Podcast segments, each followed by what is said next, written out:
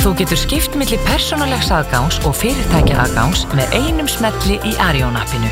Arjón banki. Þægilegði bankafjónusta fyrir fólk og fyrirtæki. Viðskiptapúlsinn. Hlaðvarp viðskiptamokkans. Það er viðskiptapúlsinn miðugdægin 10. júni. Sumarið gengið í gard með öllu því góða sem því fylgir. Viðskiptalífið fer þetta ekki algjörlega í frí en, en viðskiptablaðamenn svo sem finna fyrir því að það gerist einstakar sinnum að maður næra á menn út í miðri lagsveiði á eða í hjólatúr þar sem að menn er á spandexbuksum að anskotast um landið. Við erum hins vegar hér á vaktina sjálfsögðu og í stúdíu eru Gunnlúður Snær Ólafsson og Þóruldur Bjarnarsson, Stefán Einar Stefánsson. Það eru kollegar okkar vant við látnir annarkort út í Istanbul eða e, hér út í borginni. En Þóruldur, þú varst með Já, kannski að byrja því með að þú, þú, þú ert nú eiginlega alltaf að toppa því í réttaríkinu þetta er, þetta er algjörlega frábær mynd sem sínir tvær kindur ekki á leið til slátrunar að þessu sinni. Nei, nei. Getur þú líst í svona í þessari hljóð upptöku hvað fyrir augur ber ef að menn vilja gera daginn skemmtilegri á baksíðu viðskiptum okkar? Já, þetta eru, já, tvær, rollur ég, einmitt það er stundum, kemur stundum við sögu sko, koma stundum við sögu svona réttirnar í réttaríkinu Já. og það er einmitt í dag. Koma rétt, réttirnar, það eru oft eru, eru rollum stundum svona hugleiknar sko, eða svona. Já, já, þetta er svona, hvað sem að sögusvið. Eitt af sögusviðunum. En oftast að hausti en, en það er kannski leiða hugan að réttunum. Já, já, það er svona, það eru fannar að huglega hugana svo líklega, þetta er svona til ákveðið svona ferli, þetta á ári er, þetta er náttúrulega árun er alltaf eins hjá, hjá, hjá skefnunum en hérna þau eru fannar að leiða hugana að þessu og er að velta fyrir sér hvort að verði réttir eða ekki og það veldur svo kallar réttar óvissu Réttar óvissu, já, nákvæmlega Það er þetta vond og þýttu þetta að láta leiða það máli í jörð fyrir mannhitt þetta dórstólnum, er það ekki? Jú, jú, það sætti það beint til MDE Já. ekki?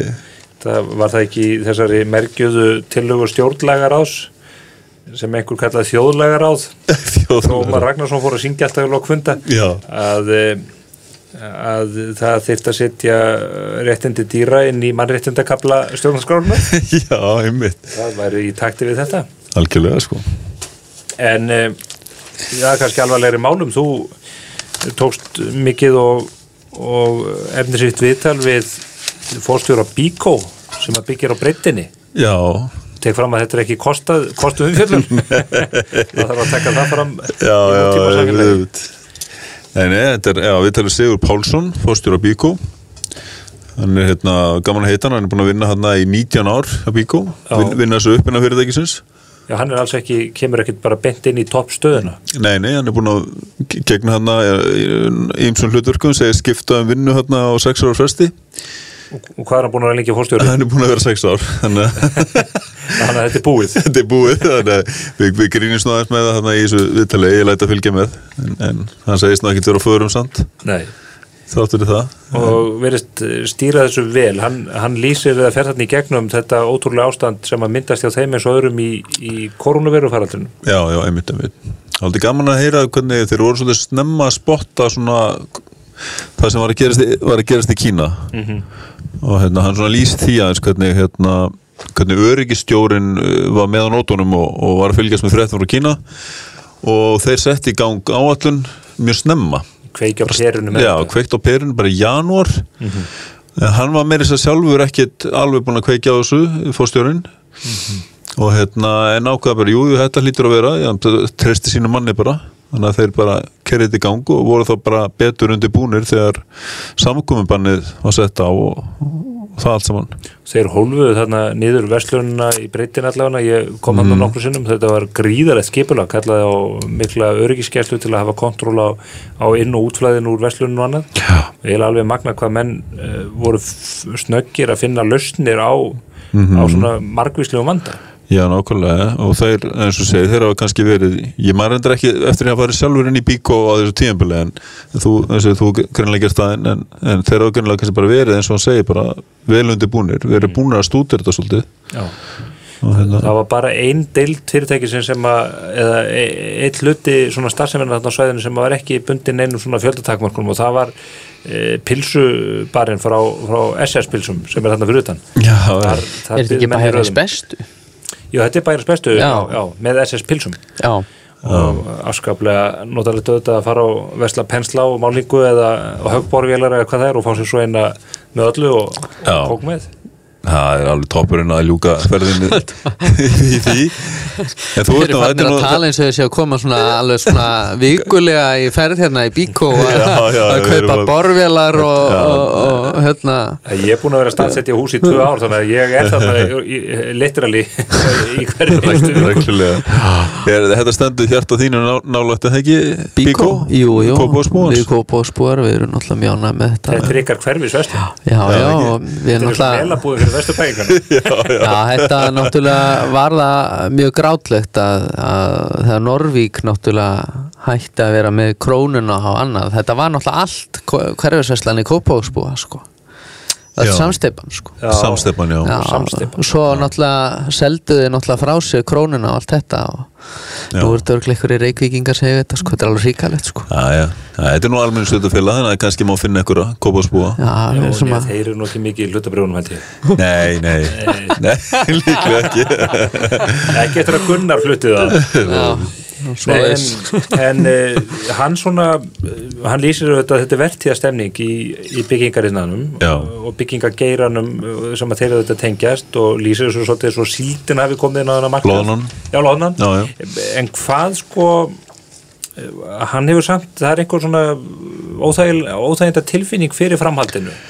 Já, hann er eitthvað svona hann er uggandi eins og segir sko með með höstu og veturinn uh, þó að gangi vel núna þá bara kannski eins og margir fleiri menn svona uh, já, hann er alltaf tekur sérstaklega dæmi af bara íbúðamarkanum og, og, og honum finnst að vanta sko að sé bara bara bóðnar nómarga lóði til sölu í, í, og nómarga lóði skipulaðir í bæðifélagunum og, og það séu svona einhverju þröskuldarunir vegi fyrir því að hægt sé að byggja nógu ört uh, nýjar íbúður sko. Já, og, hérna, og þetta geti aftur mútið leitt til þá bara meiri kreppu. Þegar það verður eitthvað svona, svona niður svona downswing sko á á þessu markaði sko, í staðan fyrir bara eins og hann, hann vil bara að sveitafélugin bara brettu bermar og skipuleiki og drífi hlutir í gang sko til þess að, já bara halda öllu já, til að, til að bara góðum fyrir að, að þetta verði ekki verra en, en ella sko. Einmitt. Þetta er, það var gaman að, að ná þessu viðtali í, í blaðið og, og svona greinlega greinlegt að þetta er ekki þetta er ekki einfalt að starfa þessum markaði. Man, maður heldur kannski að það sé einfalt að stýra eða vera inn á þessum markaði með svona establisherað fyrirtæki eins og Bíkó en þetta er, þetta er síkvikur markaður og er ekki bara þessi frammendi sem að við litlu kallarnir sem erum að kaupa einu og einu skrúf og hammar eh, tengjast, þetta er þetta, líka eh, þessi stóra þjónusta við eh, þennan stóra yðnað í, í, í byggingarinnanum já, já, og, og það er það, eru þetta sviftingar og hafa verið á síðustu árum eins og, eins og í öðru. Já, já, einmitt þetta er eins og segir, og svo er eins og, eins og hann segir nú í viðtalinu, hann segir að það sé mikið fyrir svo haft Já, eh, þeirri framleið sem þeir ná út, þó út þannig að hann, hann vil meina það að þetta sé mikil vinna og ekki kannski já, fyrir frekar rýra útkomu eða þannig. Þetta er ekki einn ligni sjór. En svo heyrir maður með þetta eins og pallaefni og annað þetta er, það er vist bara eins og eyðimörk að koma inn á uh, margar byrðastöðvar þessara fyrirtæki núna því að það er allir að reysa palla og taka garðan í gegn og, og ég var nú að tala við bara nágrannar minn sem að vera, er að byggja snótaran lerkipall og það var bara margra vikna byð eftir, eftir timbri. ok það er í sjálfsveir þetta jákvætt að það sé slíku gangur í, í kerfinu. Já, ég meina fólk er bara eins og segið, það er eh, ekki að fara til útlanda og það er bara heima og þá er náttúrulega bara að ferða að, sinna þeim verkefni sem það er að sinna þar sem bara, einmitt byrtist í þessu. Einmitt. Þetta er, er forvillilegt mál. Svo erum við með hér á, á fórsíðun líka og reyndar á fórsíðu morgunblæsir líka svona aðeins stöðu tekka á Æslandi er það verið að mörguleiti á markan svona óvenju þögult um stöðu félagsins. Nú, þetta er félagi sem heldur uppi stærstu hluta flugsangangna til og frá Íslandi. En og félagið er á helgjast þrömm ég meina að öllu óbreyttu stefni það bara í þrótt innan fára mánada þeir þurfa að snúa dæminu við en það heyrist mjög lítið eða almenningur ítla upplýstur um það hvað svona er í raun og veru hver, hver staðan er og, og hvað er líklegt framhald. Þannig að við auðvitað tókum það að okkur eins og ennilega að, að upplýsa fólk aðeins um þá stöðu og, og byrjum hér fréttum að þessi stóri bandaríski fjárfæstingarsjóðu Par Capital, þeir eru ekki að fara að, að setja meiri penning eða öllum líkindum, ekki gert ráð fyrir því að þeir komi með auki hluta fyrir inn í, í félagi Er, er eitthvað vita meira um þetta? Þú veist, þú kannski þú náttúrulega veist þetta kannski bara akkur komið er inn á sín tíma og akkur er að fara út núna? Þetta er sjóður sem að sérhæfi sig í fjárfestingum meðal annars í flugfélum í Ameríku. Mm. er gríða stór og, og þessi fjárfesting sem að var upp á nokkra miljardar á sínum tíma triðum ríðulega 10% hlut í félaginu var, var þetta ekki stór og mikil en svona gaf til kynna að þeir hefðu trú á uppbyggingunni í ferðarþjónustunni hér heima. E, þannig að þetta veri sjálfur sér bara lógisk fjárfesting. Þeir voru ekki að fara út fyrir sérsvið sitt eða neitt slíkt. Þeir hins vegar sáu ekki faraldurinn fyrir fyrir eitthvað nærir ólíkt öryggistjóranum hjá Bíkó Mhm. og þeir, þeir þurftu að eða hafa þurft að, að bakka upp stór fyrirtæki sem þeir eiga verulega hluti út í bandaríkjanum Eh, stó, eiga hluti í stóru flugfélagunum þar og Expedia bókunarsíðunni sem að siglir þetta mjög krappan sjó núna eins og allir þeir sem að hafa allt undir í þessu. Einmitt, einmitt. Þannig að það er, það er kannski eðlilegt að þeir drægi fókusin svolítið nær sér í fjárfestingum innan bandaríkjana Já, frekar heldur en að taka þátt í þessu. Skilu en um, maður heyri það svona sem ekki, heldur ekki að það sé eitthvað einhver titringur á markanum út af þessu þar að segja menn telja nú að lífriðsjóðunir áður nú alveg við þetta þessa hlutaförökningu ef að þeirra annar borð hafa áhuga á því að koma þar inn Já, En hvenær fyrir þetta aftur fram? Það er bara núna næstu dögum með það ekki Já, þeir eru að kynna þetta núna þá Já. þetta uh, útbóðs lýsingin og annað eftir að koma fram og þá verður betur skýrt frá því með nákvæm tímamörk en það segja allir að það sé mikilvægt að, að loka þessu máli sem fyrst það megi ekki dragast fram í miðjan ágúst eða eitthvað slíkt. Þannig að við erum eftir að tala um einhvern tíðan upp úr næstu mánuðamótum já, Mér var nú minnistætt hérna talandi um þetta, hérna, um þetta félag að menn, menn tala um svona kerfislegt eh, mikilvægt félag og allt slíkt sko, að, að hérna eh, menn fór að rifja upp hérna á kaffistofunu hérna í, í síðustu viku að, að hérna hvernig var staðið að tógara veðingunni á Íslandi? Þegar almenningur keifti bara fyrir hvort sem það var lítið eða mikið keifti bara bref sem parti því að hjálpa til með að nútíma eða fiskiflótan mm. og þetta væri nú kannski svona ákveði ákall til þjóðarinnar líka að, að í stað þess að ríkið kæmi inn með féð það er þið bara farið í svona alþýðlegt uh, þjóðarútbóð þar sem þeir sem keiftu fyrir þúsunkall keiftu fyrir þúsunkall og þeir sem gáttu keift fyrir eh, milljón, þeir keiftu fyrir milljón og svo framvegis. Og að tækju bara allir þátt í því að halda félaginu á flotti já, það er, já, þetta já. væri svona hálkir þjóðar átak það þetta bara að halda þjóðarsöfnun í, í sjónarpi já, bara einmitt nákvæmlega. Bara með skemmtikröftum og en þá ertu líka sko, er þetta almennings eign sko, félagið sko já, Þannig. Já, já, já, já, og auðvitað breytt, breytt eignarhald er, Eignarmynstur, svona. er auðvitað gott fyrir svona félag það má auðvitað velta fyrir sér nú uh, hafa þeir skuld uh, fært eða öllu heldur bókfært skuld á eignarseikningi sínum með öllum þessum vildarpunktum það kann nú að vera þetta að bjóða fólkið að breyta þeim í, í hlutafé hlutafé já, Ég held að einmitt. þessi á þriðja miljard, ég menn, já, ég held að við höfum flutt Já, fyrir þetta í við apríl sögðum frá mánuði, því. eða júni Nei, mæ, Á- áttu, áttu vildar punta? Já, já, ég á, vildi, ég á nú líka kröfu á félagi. Þeir eru óskaplega uh, rólegir í tíðinni með að endurgreiða fólki uh, farmiða sem að uh, með, í ferðum sem að þeir hafa fælt niður. Og maður heyrir að það er svona aukinn titringur og, og óanægja út í samfélaginu með það hvað þeir uh, svína í raun á fólk með það. Þeir hafa samkvæmt lögum og reglum sjötaða frest en en það er jafnvel fólk sem er, er búið að býða síðan uh, um miðjan eða upp úr miðjan mars og það bólar ekkert á greiðslu. Við erum verið verið að nýta fólk uh, og þvert á alla reglur til þess að fjármagna félagið. Já, já. Það er sérstök staða. Þetta er svolítið sérstætt sko, þú er búin að leggja, er, þú veist, þú, þú hérna, borgarinn á ferð sem er ekki farinn. Já, og þá bara, sem sagt, bæði með þessum ferðskustúr og flugfélag og annað þá ættu náttúrulega að fá þetta tilbaka. Varan er ekki afhend einmitt. En Er ekki allir að býða eftir lögunum frá uh, hérna, yðnaðar á þeirra?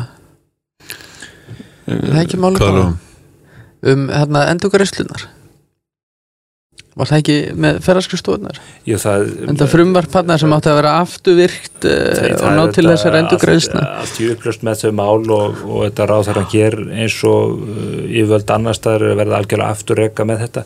Það er þetta gengur ekki upp að setja lög aftur, afturvirkt sem að geri uh, Pétur og Pála fjármagnunar aðlum ferðarskristofa þær verða bara að sækja sitt fjármagn eins og önnur fyrirtæki á markaði Þannig að Ég held líka að þetta lúti nú reglum uh, Evrópusambansins, hérna, EES reglugerðum uh, um, um rétt neytenda þannig að ég er ekki viss um að þið, það standist EES-samningin að setja þessu lög sko. Nei. þannig að ég, ég reikna nú ekki með að þau verið sett sko, en það getur nú vel verið að eitthvað þessum ferðarskustofum og öðrum félögum séu bara að binda eitthvað vonur um það að komi eitthvað, eitthvað svona sem bjargar þeim yfir þennan hól sko. Já, einmitt Það er, það er, það er fórhundin að fylgjast með þessu.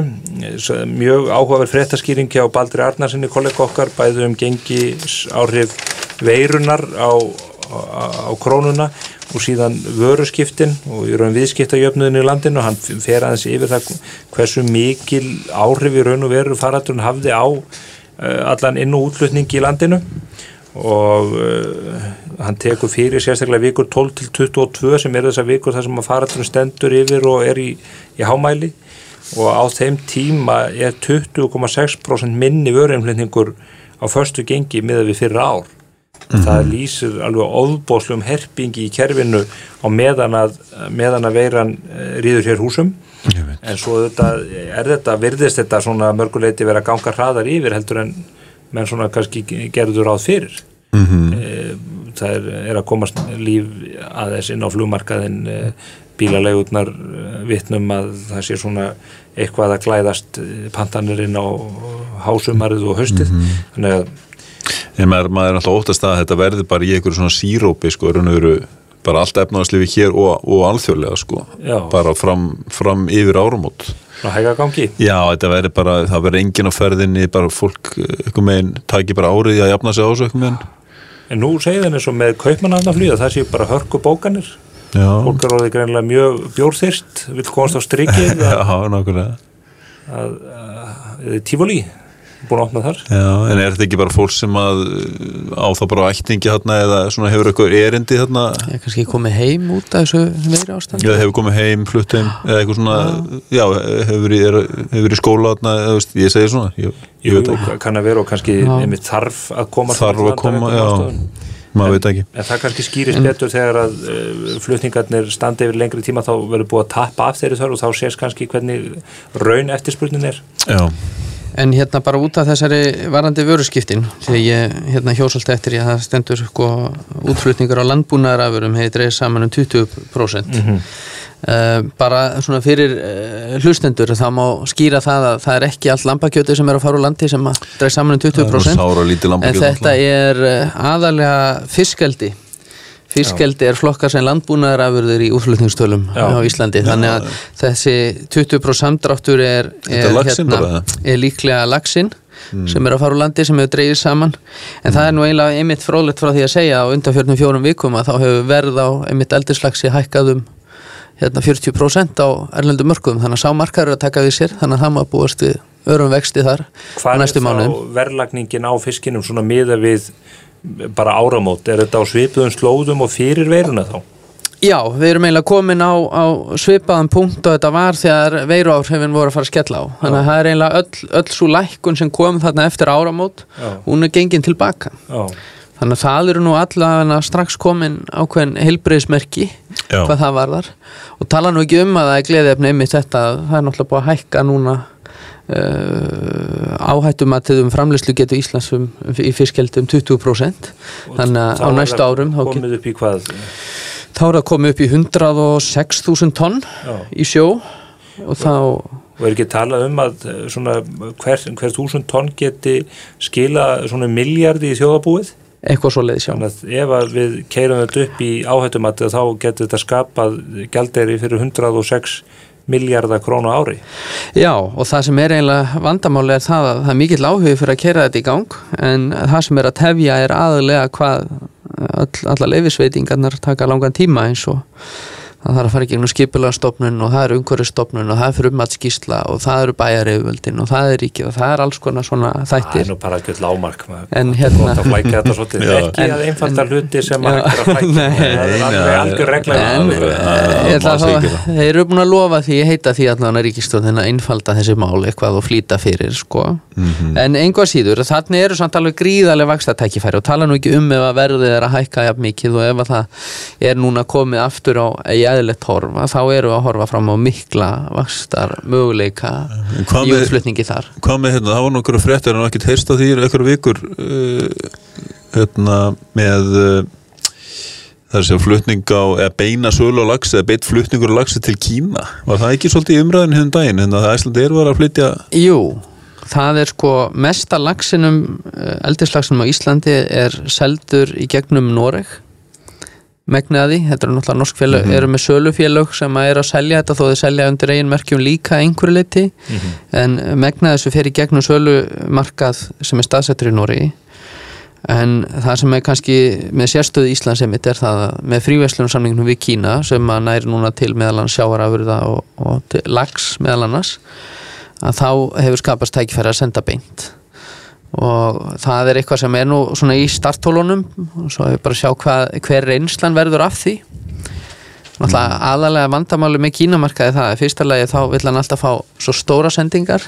Já, og svo þarf þetta að vera með stöðu og afhendingu og til þess að geta ver, verið með það þá þarf þetta að vera með mikið framleiðslumagn. Og þá þurfum við að heldur betur að setja í fymtagýr í, í eldinu sko. Mm. Þetta má nú ekki verða uh, En, svona, já. svona jákvæðu þáttur. Já. Þú hefur orðið á jákvæð áhrif hér á útsendinguna. það er Það byrst afsökunar á þessari grófi yfir sjón og, og hérna ég skal fara að draga í land er aðeins alveg nóg sko að að sól úti það er alveg nóg sko Men ekki fara neitt ekki fara neitt lengri í ákvæðinni Þess vegna skulum við vinda okkur í, í uh, samtalum fréttina þína á, á síðu fjögur þóróttur með, með gullfóskafið. Þetta er eiginlega uh, ótrúlegt að sko þau eru þarna að fara að loka starfseminni í ágúst og bara að setja þetta í frost uh, fram á, fram á vorið 2021 Já. en rosaleg velta á þessu batteri. Já, þetta er rosalega, búin að vera með miljard rúman bara í veltu hérna síðustu ár sko. Kaffistofa við Gullfoss Já, veltir miljard miljard, en það eru sko þúsundir á dag held ég sko. Að mönnum sko. Já. þeir taka inn, ég held að hann hafi sagt um mér hérna að koma hann einhverju bara einu og hálf miljón túrist á ári hann á svæðið eitthvað sko og, þó þeir og 10% kannski 10-100% kemur inn í húsi á þeim og á eitthvað viðskipti sko. Já. þannig að þetta er alveg svakalega tölur rosalegur uh, fjöldi en, en þau, þau bera sér vel þau, sérst hafa, þau hafa ból fyrir báru og geta leift sér að loka þessu en, en þetta er greinlega gríðalur herpingu það er þarna 15-20 manns að missa vinnuna. Já, ég meina þau er náttúrulega ef ég skildar rétt, þú veist, þá þarf þar þetta fólk náttúrulega að leita sér annar vinnu annar staðar. Já. og þau þurfa það bara raunin svolítið að byrja upp á nýtt þarna kannski á næsta ári, eða þess að finna sér fólk og, og svona sko. Koma sér í gang en það mennur greinilega svolítið eh, slegnir yfir þessu öllu saman. Þetta er rosalegt áfall, maður getur rétt ímynda sér og líka bara koma það því ég koma það þessum daginn þetta er bara eh, það er bara maður og maður á stangli þannig eitthvað með og rísastórt bílastæði sko bæði fyrir neðan neðabinguna þar að segja þarna og það er stæði sem að ríkið byggðu og rekur og svo þarna fyrir ofan fyrir framann þetta hús. Það er bara, þarna er pláss fyrir bara hundra rútur, nei, alveg hellingur Já. af bílastæðum en, en, Þetta sko, bara- þetta er bara tómt. en, en þó að það sé mjög grátlegt og mjög sorglegt Mm. þá hérna, get ég ekki hægt að vera jákvæður að ég fór náttúrulega hann um daginn mm. það er nú alveg dæ- dásanlegt að koma að inn og ert ekkert að leta bílastæði og Já, það er enginn að bögga þig þú ert bara hann frjáls í náttúrunni að skoða og það eru nokkra hræður hann á, á samli Já, já. en auðvitað er það mjög sorglegt sko. Veit en það, það er, að maður fekk svolítið svona nostalgíu eins og þetta var hérna áður fyrir sko. Að maður fór kannski þingvelli eitthvað og það voru nánast engir sko. Já, já, Veist, þetta er bara, þetta hefur náttúrulega ekki sést í tíu nei, sko. nei, nei. en nú eru svona ákveðnir innviðir eins og þessi bílastæðana þau taka þetta mið núna að þessum gríðarlega fjölda. Það sama á við um þingvelli þar sem verður að segja fólki annað. Þannig að þetta verður allt rosalega eyðimerkurlegt. Já, já. en verða bara svo palli tugir á staðnum bara vegna þess að umfangið á bílastæðum uh, og gatna getið ímiskonir orðin svo svakar Einmitt. Þetta verður svona, svona, svolítið svona, mann dettur, að maður fyrir alltaf í svona, svona futuristic, svona, eh, þú veist, svona, En þetta- þegar heimurinn eftir Já, ge- já, gerir einhver. Þú veist, já, þú veist, heim- hamfara- Blade Runner eða hvað Já, það heita allar sem já. þetta, það bara kemur og það bara allt eitthvað með horfið og, En á móti kemur var þetta náttúrulega hluta markasetningu Íslands hérna, á sínum tíma sko. Svona Pure Iceland, unspoiled by hérna, tourism eitthvað það var náttúrulega svolítið markasetningin hérna áður en það fór allt út í villisu sko. þannig að kannski við kannski getum við náði í þessa ferðamenn aftur sko. Komdu þar sem engin er. Þú veist, verðu einn í heiminum. Já, þetta er allan aftur, er, er það, þú þarf bara að rukka svo mikið en hann eina til þess að það er uppbúið það verður alveg komið tíu úr skall á Gullfossi og það er þetta menn sem stunda þetta eins og Bill Gates ég meina, hann kom hér í ferðalega og það var bara þannig að hann leiði einhverja ferðamannastað eins og fjálsálun og eitthvað og þá bara leiði hann allan daginn. Já. hann ætlaði kannski bara vera klukkutíma en hann gæti bara ekki hugsa sér að það væri eitthvað fólk búið að vera þetta klukkan 8 um morgunir sko. Nei, nei. að Það er, eru til menn sem að stunda þetta en þeir eru þetta borga líka Já. fúlgur fjár fyrir e, bendi á þetta bara vegna míns ofsafengna áhuga á, á málinu. E, skrifaði litla grein hér á, í viðskiptamokkan eins og oft áður um, um kampavín. E, Claire Valí vínið frá, frá Drapier ég keiti mig flösku á þessum daginn og, og smakkaði smakkaði til, þetta er skemmtilegt svona e, náttúru e, já, eiginlega náttúru vín lífrænt ræktað og er, er handverk þryggja sískina sem eru á aldurspilum 24 til 31 árs er að taka við föðu sínum Michel Drapier og eh, hafa núna sett að markað nokkra nýjar tegundra víni til að undirstryka þessi kynnslóðskipti margir Íslendingar sem að kannast við e, framleiðslu þessa hús Drapier eh, af ýmsum veitingahúsum Mhm. e, ég vissi nú bara af Eiríksson Brasserí sem að hefur að selja þessa tilteknu tegund Mhm. en svo fekk ég ábendingu um það í morgun eins og alltaf gerir þegar maður er búin að þegar maður hleypur á sig að kröst er líka að, að selja þetta já, já. þannig að fólk getur nálgast þessu flösku þetta er mjög skemmtilegt vín að prófa En hversu, hversu, er þetta eitthvað svona frækt vín? Er þetta, er þetta þekkt vín í alþjóðlum vínheimi eða? Já, Drapier er nú svona tildulega stór framleiðandi með svona, ég held að þeir sé að og hálfa miljón flaska á ári það er reyndar ekki nema 0,3% af, af heimsframleiðslun en, en flest húsin eru lítil þannig að einu og hálf miljón flaska er talsvert og þetta er, þetta er svona uh, stöndugur framleiðandi. En það er alveg greinlega, þetta er bráð, bráðholt, meinholt að, að drekka þetta, ég menna hann er, Drapier fjölskyldan er, er að vera háöldru sig, það er 92 ára hérna ættfæðurinn. Já, Andrei, og hann hefur aðeins nærst á kampavínu öll þessi á, Já, þessi engungu.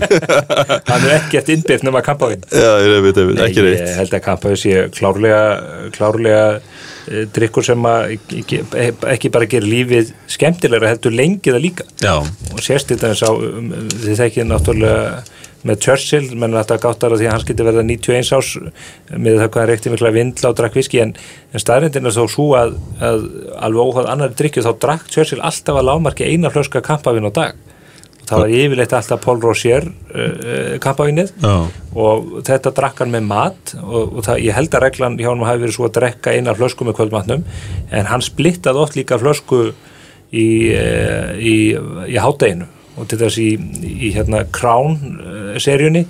Mér minnir það að sé henni frekar heldur en nýjustu eh, myndinni sem Gary Oldman leikur kallin í.